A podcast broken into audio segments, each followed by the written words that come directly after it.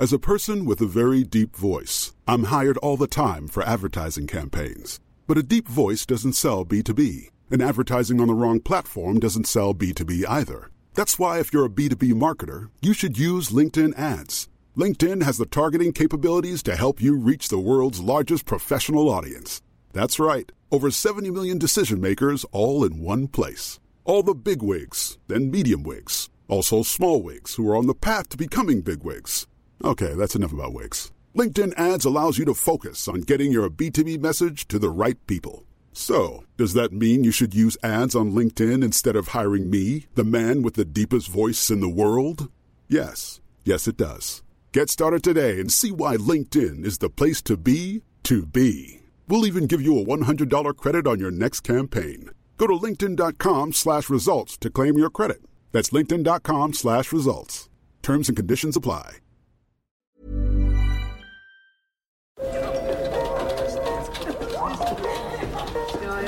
Dette er lyden av norsk næringsliv. Akkurat nå tas det små og store valg som kan bli avgjørende for fremtiden. Med økonomisystemet X-Leger tas disse beslutningene basert på informasjon i sanntid, slik at drømmer og ambisjoner kan bli virkelighet.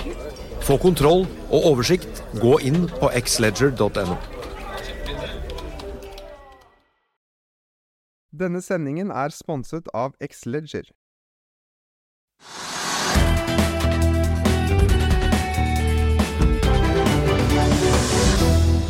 En uh, riktig god onsdag alle sammen, og velkommen til Økonominyhetene på denne 22. februar. En dag der CO2-fangst og elektriske skip står på agendaen. Mer om det straks. Vi begynner med å se på da, si, markedet og nyhetene som har preget dagen i dag. For etter at hovedindeksen endte gårsdagen ned litt over 0,6% så har vi sett et ny nedgang i dag på da, rundt halve prosenten. Da, altså rødt rundt oss i Europa i dag. Og det var også da surt i Asia etter at Wall Street i går hadde da, får vi si, i hvert fall sin foreløpig verste dag dag i 2023. De tre store indeksene falt mellom 2 og 2,5% etter at markedet altså var stengt på mandag på President's eh, Day. Futuresen i dag på Wall Street peker derimot eh, oppover, og da er det kanskje håp for en litt bedre stemning der i kveld, og kanskje da det smitter over på oss her hjemme i eh, morgen. Oljeprisen også fortsatt ned i dag, 0,3% på nordsjøoljen i spotmarkedet til 82,20 nå. Den amerikanske lettoljen ned drøye halvprosenten til 75,70. Og apropos olje, Børsnoteringen av Secrets Petroleo ble landet altså til slutt. Selskapet som blir den tredje største aktøren på land i Brasil målt i produksjon og reserver, har altså klart å hente 260 millioner dollar etter at prislappen på emisjonen ble kuttet fra 10 til 6 kroner aksjen da på tampen i forrige uke. Og etter planen så skal altså Secrets Petroleo komme i handelen på Oslo Børs i morgen. Og det blir jo om ikke den første og største i Europa i år, så i hvert fall helt i tet i børsnoterings statistikken. Meldingen fra Sikkerhets Petroleum om at emisjonen var fulltegnet igjen får vi si, etter priskuttet, kom jo da litt over halv to i natt. og De puster kanskje da lettet ut i Sikkerhet. Selskapet har jo nemlig en stor regning som forfaller da torsdag, altså i morgen, til Petrobras. og Selskapet skrev jo da at hvis ikke de hadde fått inn disse pengene, så ville de kunne få store økonomiske problemer. Noen andre som har hentet inn penger, er elbilladeselskapet Saptek. Har hentet inn 300 millioner kroner i en emisjon for å finansiere videre ekspansjon globalt.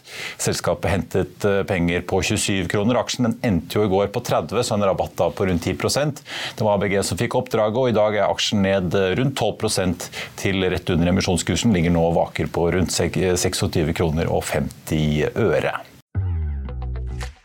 Vil du bli oppdatert på det viktigste som har skjedd innen finans og næringsliv? Da er det bare å følge med, for hver morgen er jeg, Marius Lorentzen og aksjekommentator Karl Johan Malnes på plass i studio for å ta tempen på dagens marked i Børsmorgen. Og hver ettermiddag oppsummerer vi alt du trenger å vite i økonominyhetene, og det blir selvfølgelig masse interessante gjester. Klikk deg inn på fa.no-tv, eller søk opp Børsmorgen og Økonominyhetene der du hører på podkast.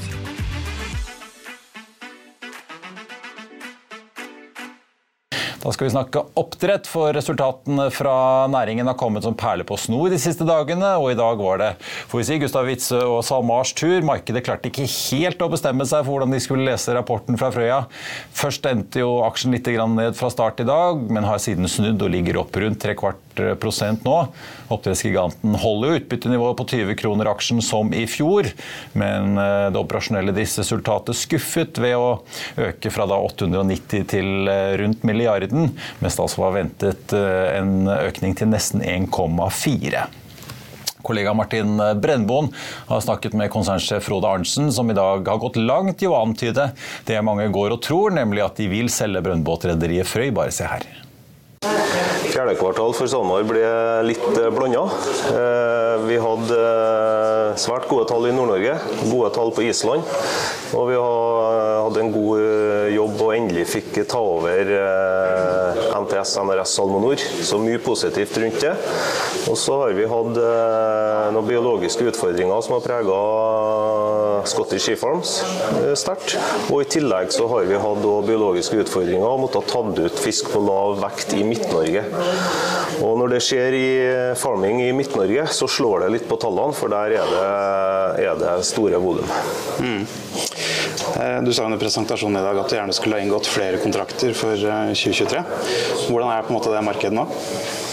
Det er fortsatt eh, tregt. Eh, selv om eh, vi har gode laksepriser, gode spotpriser, så er det å komme til enighet med kunder og få til fastprisavtaler, spesielt på bearbeiding, det har ikke vært enkelt. og Det tar fortsatt tid. Så vi er fortsatt på en altfor lav kontraktsandel, som igjen da påvirker aktivitetsnivået på, spesielt da på Frøya og bearbeidingsaktiviteten på Frøya, hvor vi da fortsatt fortsatt har permitteringer, dessverre. Utfordrende biologi i Midt-Norge. Hvordan vil det på en måte påvirke slaktevolumet utover 2023? Eh, det vil ikke påvirke slaktevolumet for 2023 som sådan. Vi har eh, Antall fisk i sjøen eh, er god, og vi bruker nå da Q1 på å produsere fisk i sjø og øke MTB. Og guidinga for 2023 er uendra. Hvorfor skal investorene kjøpe SalMar nå? Ja, Vi mener de alltid skal kjøpe eh, SalMar. Vi har visst over tid. Vi sa òg at vi eh, har hatt den eh, største veksten i forhold til børsregistrerte de siste årene. Vi har historisk hatt de beste marginene. Og vi har en organisasjon og en setup i SalMar som er veldig solid. Og vi er helt trygge på at vi skal produsere laks og lakseprodukter mest effektivt av alle også i framtiden. Det har også kommet kvartalstall i dag fra selskaper som Petronor, Icelandic Salmon, Bellships og Panor Energy. Mer om de finner du på fa.no. Da skal vi snakke karbonfangst, og hva passer vel bedre etter at man i EU tirsdag så kvoteprisen bikke 100 euro tonnet for aller første gang. Og men ikke kvotepris helt nøyaktig, så skal vi i hvert fall snakke om businessen med CO2-fangst og høre fra et selskap som har kommet med sine kvartalstall for ikke så lenge siden. Velkommen til oss, Jan Kielland, administrerende direktør i CO2 Kapsol. Ja, tusen takk. For de som kjenner til Eh, det er jo noen aktører i bransjen. Aker er vel kanskje den mest kjente. Hvem er dere? Vi er jo et uh, rendyrket CO2-fangstselskap. Vi har en egen teknologi som er i samme familie som Aker. At det er en kjemisk fangstprosess. Og vi ble jo børsnotert for halvannet år siden, ikke det, men vi er rendyrket. Vi lisensierer ut vår teknologi til uh, større anlegg. Ja, så dere bygger ikke og eier ikke anlegg selv? Vi bygger ikke og eier ikke. Det er en veldig capital light-modell. Ja. Og dere er i gang i Stockholm. Mange kjenner Norcem-prosjektet, Klemetsrud-prosjektet her hjemme. Men dere er eh, med på et prosjekt i Stockholm som er dobbelt stort som Norcem sitt? Ja, de valgte jo vår teknologi etter en, en tøff konkurranse. Og det, jo, det, var den første kontrakten vår. Den er jo ofte den viktigste. Ja. Men det som er positivt i det, vi ser at det har eh, frigjort et stort potensial i Sverige. Det er mange industrier nå som følger etter Stockholm XRG. De har tatt på seg den gule ledertrøya. Fantastisk moro for oss. Ja, For det er uh, altså fra avfall? Nei, Det er fra biomasse. Ja. Og det genererer jo da uh, biogent CO2 som Altså som biomasse som man brenner til å lage varme? Og så, ja, også ja, det, den, den CO2-en blir jo kalt biogen, mm. og det gir såkalte negative utslipp. Og det gjør jo at Stockholm har potensial til å bli den første hovedstaden i verden som blir klimanøytral. Så dette er klart det er moro. Det får uh, kanskje Raymond Johansen til å bli litt uh, misunnelig. Han har vel noen mål, han òg?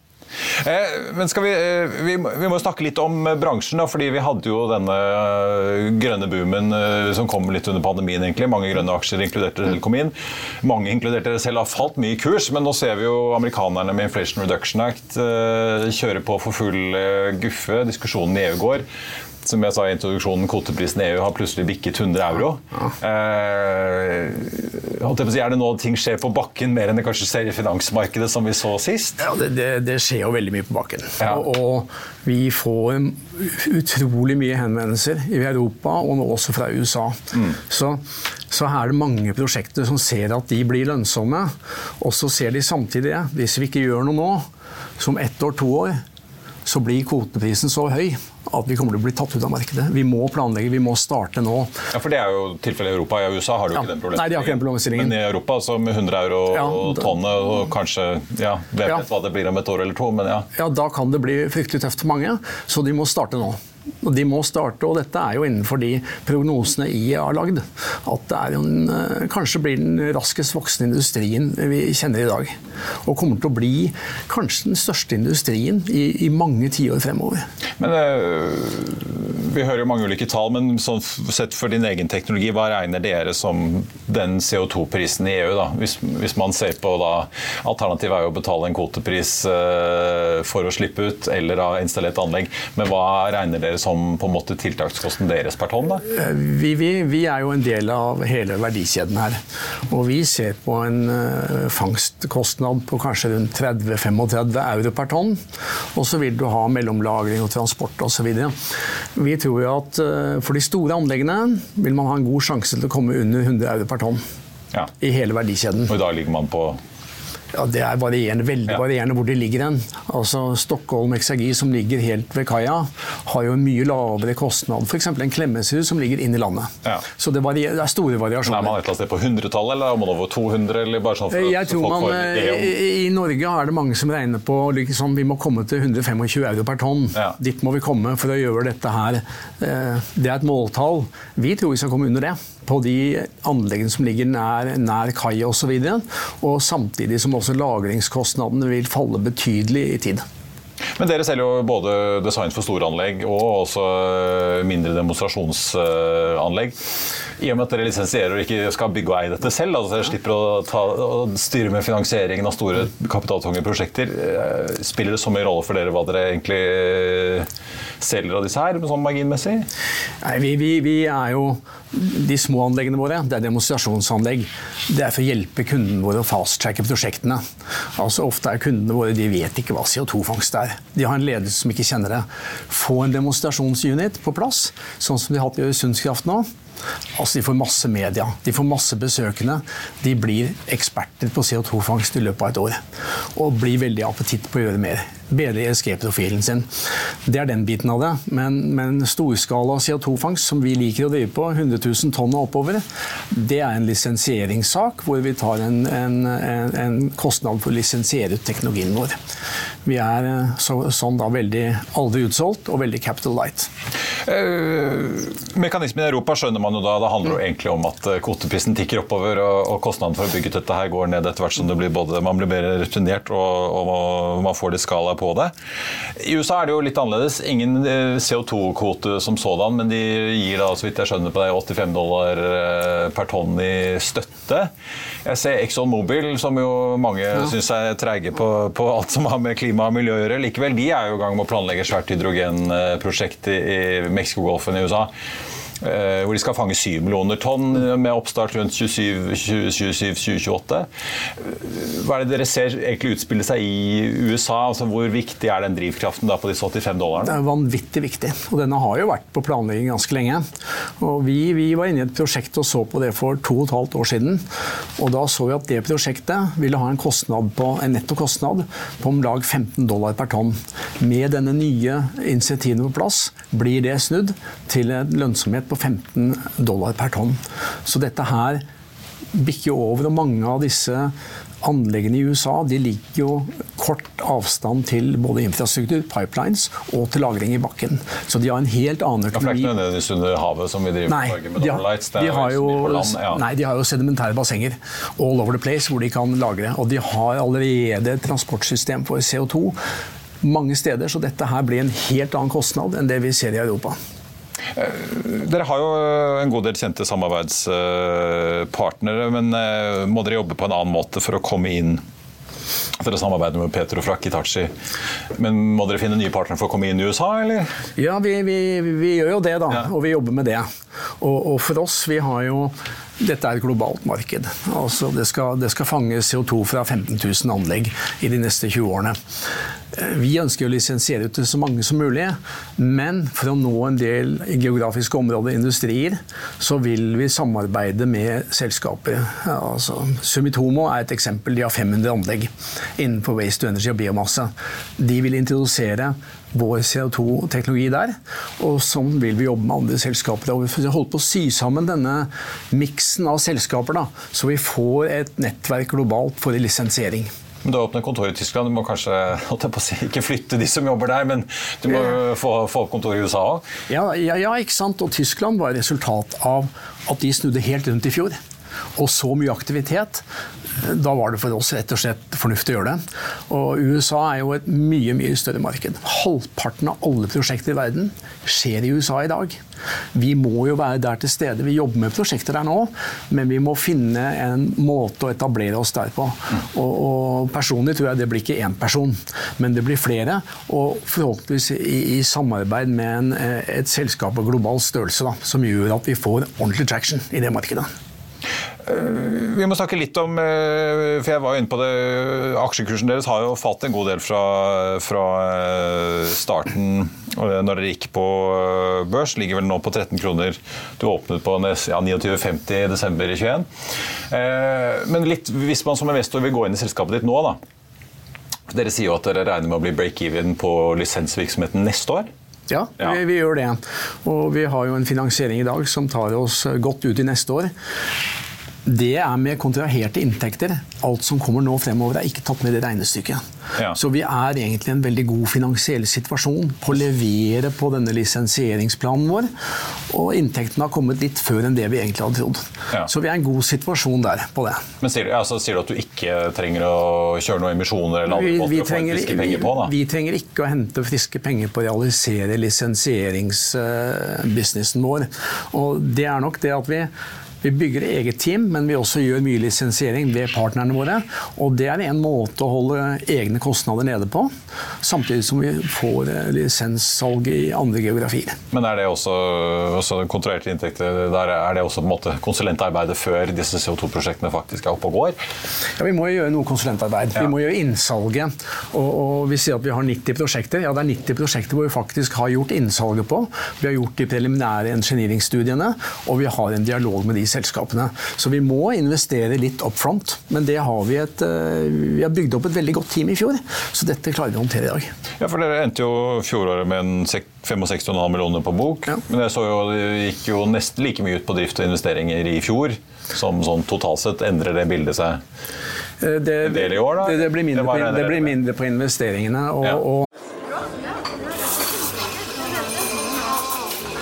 Dette er lyden av norsk næringsliv. Akkurat nå tas det små og store valg som kan bli avgjørende for fremtiden. Med økonomisystemet X-Leger tas disse beslutningene basert på informasjon i sanntid, slik at drømmer og ambisjoner kan bli virkelighet. Få kontroll og oversikt, gå inn på xledger.no. Denne episoden er sponset av van Brun, en fremtredende smykkeforhandler kjent for sitt brede utvalg av forlovelsesringer, gifteringer og diamantsmykker som bæres og elskes i generasjoner.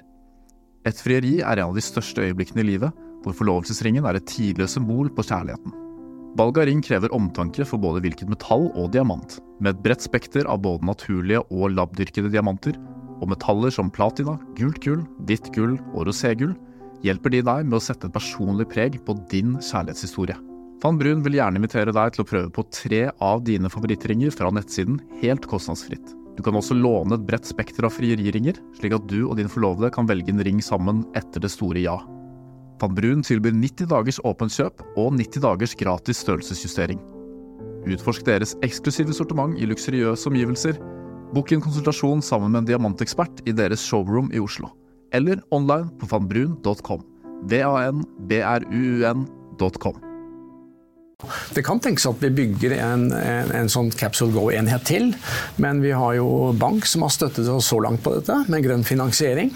Og samtidig gjør vi jo ikke det. Laget, så, ja. Ja, ja, men vi gjør jo ikke det med mindre vi har kontraherte ting for den enheten. Og den enheten, i tillegg til å tilby kundene våre en, et hjelpemiddel på fasttracket, så er det jo bra økonomi i dem. Til slutt, eh, Dette er jo en voksende industri, åpenbart. Eh, men du har jo vært i dette gamet en stund. Ser du noe tegn til noen sånn stor konsolidering av disse store eh, industriaktørene? Apropos dere jobber med Hitachi og Petrofac. Jeg ser Exxon jobber med Mitsubishi. Aker har jo sin virksomhet. Teknip FMC er inne. Men vil de ulike aktørene begynne å kjøpe opp hverandre og slå seg mer sammen etter hvert, eller er det rom for alle foreløpig her? Det er rom for alle, det er det. Men det er klart i en sånn industri at det vil komme konsolideringer. Og vi ser jo at Teknip blir Teknip Energi, Siemens blir Siemens Energi. Det skjer ganske store strukturelle endringer i mange av disse selskapene. Så jeg tror jo de som blir veldig vellykket, sånn som vi er små, og hvis vi smaker godt samtidig, det er klart at det er en, eh, en, en spennende fremtidsutsikt der også, på hva som kommer til å skje. Jan Kielland, administrerende direktør i CO2 Kapsol, takk for at du kom innom og sier lykke til med salget både i Tyskland og USA. Ja, tusen takk. Veldig hyggelig å være her.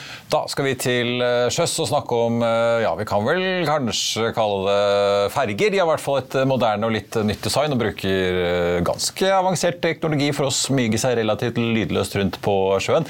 Velkommen til oss, Espen Larsen Hakkebo i Bream Explorer, og for å si også leder av Bream Tech. Yes, takk for det. Kan, kan, du bare forklare det, for du er en av grunnleggerne av dette selskapet så skal jeg også be produsenten legge opp bilder på skjermen av uh, disse båtene deres, som noen kanskje har uh, sett både i Oslofjorden og andre steder. Ja.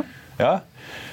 Ja, Brim Explorer er jo et eh, reiselivsselskap eh, som jeg startet sammen med Agnes Arnadottir og hennes far Arni. Vi er eh, to statsvitere og en musikklærer eh, som fant ut at vi ville gjøre havturisme til noe annet. Vi ville vil gjøre det på en annen måte. Ikke en helt normal bakgrunn for uh, noen som kaster seg inn i maritim industri? Nei, det er det ikke. Uh, og ja, etter hvert som vi begynte å bygge elektriske eller hybridelektriske båter, som var det første vi begynte med, så så vi at her er det rom for innovasjon. Her, det, her må det gjøres mye for å få opp effektiviteten i hvordan elektrifiseringen av sjøfarten fungerer. Eh, så vi startet eh, Brimtech og har eh, sammen med partnere da utviklet en, en motorløsning som tar elektrifisering av hurtigbåter og båter av vår størrelse et ganske langt steg fremover. Ja, Så motordesignet det ligger i Brimtech, som du leder til daglig? Stemmer. Uh, dere har jo da to skip fra før, uh, men de som var på Aker Brygge her om dagen, uh, så kanskje at en splitter ny farkost, da, MS Brisen, lå på Aker Brygge, og dere hadde det opp? Ja, stemmer det. Lov å gratulere. Takk for det. Takk de to første er hybride, men dette er ren elektrisk? eller? Den er ren elektrisk. og ja. den, som jeg sa, den har vi utviklet motoren på, på, selv og fått opp effektiviteten i drivlinjen veldig. som muliggjør egentlig videre elektrifisering av, av hurtigbåter. Vi kan se bilde av båten på skjermen her nå, faktisk. Noen har vel sett disse her uh, seile rundt uh, Søsterskipet var vel i Arendal, i hvert fall på Arendalsuken uh, sist sommer. Det stemmer. Ja. Og vi planlegger å være på Arendal de kommende årene også, så vi er å se der i august. Men vi begynte jo i, i Tromsø med hvalsafari, og i denne sesongen her har vi hatt med 30 000 gjester på, på hvalsafari. Og det er jo et marked vi ser, ser, vokser, og vi har fått en veldig stor markedsandel der. Da. I tillegg så opererer vi den ene båten på Svalbard på sommerhalvåret. Uh, nå flytter vi på fredag denne den ene båten til Lofoten. Og så er vi i gang med å bygge et par nye båter. da. Ja, Stilige saker. Ja, for Jeg har fått dette designet av Maritime Partner i Ålesund, har sett. Men det at det ble el nå, var det fordi at det var teknisk mulig, eller var det bare at ja, Man kan rett og slett velge, men det er noen trade-offs. Men nå valgte dere elektrisk. Eh, ja, jeg må bare korrigere. Det er Einar Hareide som har designet båtene. Ja. Maritim Partner bygde de to første ja, båtene ja. Eh, i aluminium eh, for å få ned vekten ytterligere. Nå er jo aluminium et fantastisk byggemateriale, men vi ønsker å få ned vekten ytterligere, så vi har gått til et verft som heter Brødrene Aa i Hyen og fått bygget den siste båten da i karbonkompositt, som er veldig, veldig lettvektsmateriale. Da. Ja. Og det er, eh, når man elektrifiserer båter, så er det en av de største flaskehalsene. Det er vekten på skipet, hvor mye motstand du har i vannet. Eh, så ved å få båten lettere, så får vi også opp effektiviteten. Vekt og fart antar jeg er ganske sentrale ingredienser her det det. når du skal regne rekkevidde? Det er det. Og når man ser på Brisen, da, som, som, er det tredje skipet vårt, og det som er helelektrisk, så eh, vi opererer jo det i Oslo eh, hele året. Vi tilbyr da fjordcruise og ja, charterturer osv. osv. Veldig mye av det foregår på lav fart. og det er utrolig enkelt. Altså, på, på av batteriene? da får du veldig mye ut av batteriene og, og, bruker veldig lite eh, på fremdrift. Men når man skal opp i fart, da blir jo vekten ekstra viktig. Og da blir også eh, hva slags eh, tap du har i hele drivlinjen din veldig viktig. Og det er, derfor, og det er der vi ser at rommet for innovasjon er. Og vi ser at det, vekten på alle komponenter om bord i en båt må ned. Vi begynte med motoren fordi der var det mest å hente tidlig. Neste blir å se på batteriene. Men er det fordi den går i Oslofjorden som er litt mer skjermet enn å gå i Svalbard eller uh, Lofoten, kanskje værmessig, at dere kan kjøre helelektrisk? Uh, ja, nå kjører vi helelektrisk på en del av våre turer både i Lofoten og i Tromsø. Ja, ja men jeg tenker at dere ikke valgte en hybriddrivlinje hvor du ja. har muligheten til å spe på med drivstoff. Ja. Nemlig. Uh, når vi nå skal, altså vi setter en ny båt i, i drift nå i sommer. den skal til Svalbard, og så skal den til Tromsø. og Den kommer til å gå ca. 100-120 nautiske mil hver dag. Det får vi ikke til med ren el enda. Nei. Eh, men jeg tror ikke det er så langt unna at vi får til det eh, med hurtigladende batterier f.eks. Ja, for altså, vi har jo begynt å se elferger komme i Norge. Det, ikke, det, har gått ganske fort de siste årene, fra ingenting til at det ja. faktisk er i drift. Ja, det er under ti år siden Ampere da den første elektriske ferjen ble satt i drift. Men hvor mye utvikling skjer det på batterifronten, sånn som dere ser det nå? Vi ser jo på elbiler, så det er jo faktisk over ti år siden Tesla Model S kom med da 85 kWt batteri. Ja, du får jo elbiler, i hvert fall noen amerikanske amerikansk i dag med godt over 100. Ja, nå er det 100-110 kWt. Vi snakker jo ikke 200, altså det er ikke så voldsomt. Jo, det er kanskje Hummer EV som har det, men, eh, men likevel. Det ikke, har jo ikke vært noen sånn revolusjon på kapasitet innenfor gitte volumer av batteripakker ennå. Hvordan ser det ut? Er, er det liksom Følger de utviklingstrinnene seg på maritim og bil ganske likt, eller er det Ja, dessverre så ligger båt ganske langt etter. Ja. Uh, så, og, og, det handler om egentlig både hvordan det integreres i en båt. På en bil så har du uh, batteriet plassert under, under, bilen, funker bra for tyngdepunktet osv. osv. Og, og, og gjerne som Tesla gjorde, så er det en del av strukturen og styrken i bilen. På en båt så er det jo ikke det. Man må bygge masse sikkerhetsmekanismer rundt, og vi snakker en ekstrempris for å, for å integrere det i en båt. Eh, så Målet er jo at vi må få ned den prisen. Eh, og det er jo gjennom å kjøre flere prosjekter. Nå har vi tre båter i drift. Vi eh, setter én båt i drift i sommer og en ny båt igjen til høsten. Så, så vi, vi, gjør jo vår lille del. Og, men på utviklingen på batteripakker til, til, båt så ligger vi dessverre etter, men det kommer. Og det, vi har noen gode samtaler med batterileverandører for å se hvorvidt vi kan prøve nyere celleteknologi f.eks. i maritime batterier. Da. Ja. Ja, men er det de samme produsentene som dere kjøper? Som det Cellene. Litt enkelt sagt Tesla og Mercedes kjøper? Eller? Ja, enkelt sagt, ja. ja. Eh, cellene kommer jo ofte fra Kina eller Korea eller LG, ja. LG f.eks., som vi har i våre første båter, og Kina for, på den tredje båten. Eh, vi har byttet kjemi på våre batterier fra NMC, som er det du ofte finner i elbiler, til LFP, som har en litt annen kjemi og, og kanskje litt høyere eh, kjemisk stabilitet. Eh, fordi vi, vi, vil helst unngå brann om bord i en båt. Mm. Eh, du snakket om at dere har flere skip under eh, planlegging. Eh, vet dere hvor mange og hva slags teknologi de skal gå på?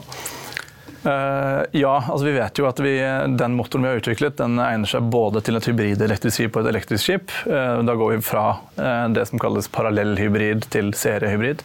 Og, og, vi ser jo at ved å få ned vekten på drivlinjen, så får vi opp effektiviteten til en seriehybrid. da.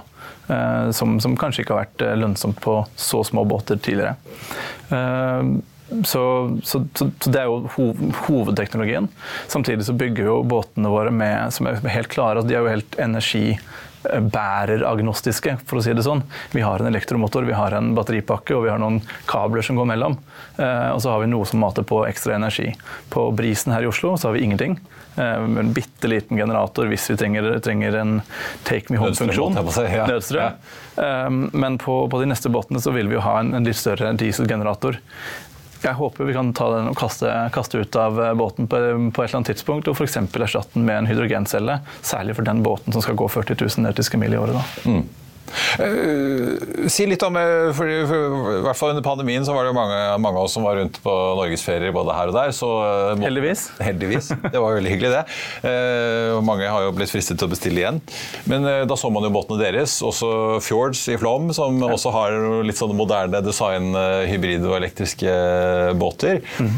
Men er det mange utenlandske konkurrenter som driver med dette her, og aktører, eller er det stort sett dere to og norsk, måte de norske maritime leverandørene som for alvor jobber med dette, her, inkludert selvfølgelig Siemens med Ampere? Da, men.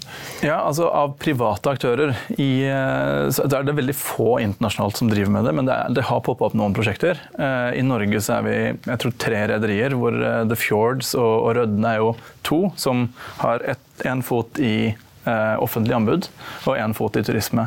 Vi har prøvd å starte vår modell på kun turisme og ikke offentlig anbud, eh, og har tro på den modellen. Og, og, teknologien altså jeg tror Grunnen til at det ikke har skjedd så mye internasjonalt, er jo også fordi prisnivået har vært veldig høyt. Vi har gode støtteordninger i Norge. De har vært en, eh, en katalysator. Krav i en del anbud, apropos offentlige Og krav i en ja. del anbud, ikke minst. Og det har vært en katalysator for å få i gang elektrifiseringsprosjekter.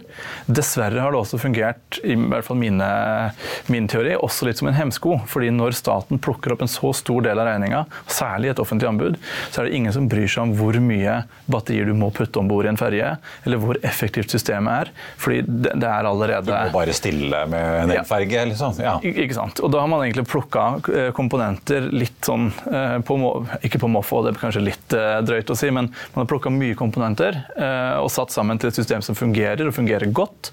Men effektiviteten har nok gått over bord. Da. Vi prøver å snu på det, så vi har henta veldig mye altså sammen med samarbeidspartnerne våre så har vi henta mye deler fra automotiv, altså fra tog, fra buss, fra, til og med fra fly. da. Eh, bransjer som har kommet lengre på elektrifiseringen, brukt dette i maritimt, eh, og, dermed fått opp effektiviteten i hele systemet. Altså kutta, kutta vekt, kutta vekt, kutta vekt, og, og fått, opp, eh, fått mer effektive komponenter om bord. Dere fikk jo en litt rød start gjennom pandemien, hvor verden plutselig endret seg veldig brått. Ja. Men hvis jeg ser på regnskapstallene deres, så ser det ut som dere har klart dere ganske bra. 2021 i hvert fall doblet jo inntektene til nesten 50 millioner ja. Med positivt resultat. Etter ikke altfor lang tid i, i, drift, så det kunne gått langt verre, får vi si. Men hva, hva er det dere vil være fremover, da? Dere har jo mm, Andresens Ferd inne på eiersiden, skjønner jeg, med litt over halvparten av eierskapet. Ja. Men skal dere være eh, reise, en reiselivsoperatør med moderne lav- eller nullutslippsbåter, eller skal dere være en leverandør av disse båtene til eh, verdensmarkedet? Jeg tror nok der er vi litt schizofrene. Ja. Eh, nettopp fordi at vi, vi, har måttet bruke løsninger som ikke finnes, så vi må ha funnet dem opp selv. Og det har gjort at vi har etablert tech-beinet. Men vår hovedsatsing er jo turisme, og, og vi trenger å være best på turisme, så trenger vi også de beste komponentene og beste skipene til det. Um, og, så det er vel egentlig det korte uh, ikke-svaret. Uh, vi, vi, skal fortsette å være uh, foretrukken leverandør av bærekraftig turisme på havet. Uh, samtidig som vi må fortsette utviklingen fordi um, skal ikke si ingen andre gjør det, men ingen andre har gjort det godt nok for oss. Nei. Eh. Men er det sånn dere øh, vurderer en børsnotering eller henter mer kapital privat for å kunne fortsette veksten fremover, eller? Vi er nok litt tidlig, eh, i fasen til det. Altså, vi starta i 2019, hadde fem måneder eh, drift med den første båten vår før, før, før vi hadde full lockdown. Og så ja. hadde vi da nye båten kom, eller andre båten den kom i, i mai 2020. Da måtte vi tenke fort og, fort og brutalt, og da satte vi en båt i Lofoten som var der alle nordmenn reiste på ferie. Og Widerøe og SAS og Norwegian fikk fraktet alle sammen. Ja. Nemlig. Og den andre båten satte vi i Oslo, for det var der vi regnet med her er det flest folk. Og så gikk vi sånn break even på driften gjennom 2020. Eh, og det altså var jo det som kanskje skapte ideen vår om å sette en båt permanent i Oslo. Eh, vi tenkte klarer vi eh, Oslo-markedet under covid, så klarer vi i hvert fall Oslo-markedet under normale omstendigheter. Og vi ser jo at vi får veldig god pågang på, på båten her i Oslo nå, da. Ja. Um, så, men, men uh, ja, som sagt, vi er, vi er, litt tidlig ute på å hente kapital til uh, særlig gjennom børsnotering. Uh, vi har fått med oss Ferd med på eiersiden. Vi har fått henta inn den kapitalen vi har trengt til å vokse til den størrelsen vi er nå. Så ser vi jo nok at vi kan klare stor grad organisk vekst gjennom egengenerert cashflow. Da. Ja. ja, selv å bygge nye skip, altså? Ja. ja finansiere nye lån? Det er, det er, målet. Det blir uh, veldig spennende å følge med på videre. For å si lykke til med både teknologiutvikling og uh, bygging og frakt av turister og festglade mennesker rundt i fjordene. Takk for det, og hjertelig velkommen om bord. Jeg var i hvert fall om bord i Arendal. Da var det så tjåka fullt at det var ganske varmt inn i båten din. Men det tror jeg Arendalsuken får ta skylden for, ikke dere. Ja. Espen Larsen Hakkebo i Blog, takk skal du ha. Eh, på tappen av sendingen tenkte jeg bare å runde av med hovedindeksen på Oslo Børs. Ned nå 0,4% med da SalMar eh, som ser ut til å holde seg svakt i pluss 0,5 da på dagen der de startet litt i minus etter kvartalsrapporten, som var, eh, viste litt mer skuffende resultater enn det markedet hadde ventet. I Finansavisen i morgen så kan du lese Trygve Egnars leder om snuoperasjonen i Nasjonalmuseet. Det blir børsintervju med Stig Rognstad i Norse. Du kan lese om hvorfor Kepler Chevrolet-analytiker Anders Carlsen gir full gass i gassaksjer. Og du kan lese om tap i Akers tech-satsing Cognite, og ikke minst om at en pålagt overvekt mot europeiske aksjer har kostet oljefondet hundrevis av milliarder. Det var vår sending på denne onsdag 22. februar. Tusen takk for at du så på. Vi er tilbake igjen i morgen, når altså Sikkerhets Petroleum skal i handelen på Oslo Børs. Og med oss i Børsmorgen så kommer investeringsdirektør Robert Ness i Nordea. Og så får vi også si at Det blir av Økonominyhetene 14.30 med Martin Lippert, sjef i fibergiganten Global eh, Connect. så Det er verdt å få med seg. I mellomtiden så får du som alltid siste nytt på F1, inkludert Fed-referatet fra USA i kveld og Nvidias kvartalstall. Mitt navn er eh, Marius Lorentzen. Håper du får en riktig fin ettermiddag og kveld videre. Takk for nå.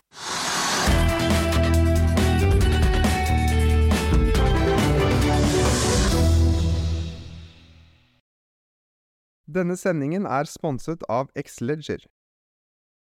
Økonominyhetene er en podkast og videoproduksjon fra Finansavisen. Programleder er Marius Lorentzen. Aksjekommentator er Karl Johan Molnes. Produsent er Bashar Johar. Podkast- og videoansvarlig er Marius Mørk Larsen. Og ansvarlig redaktør er Trygve Hegnar.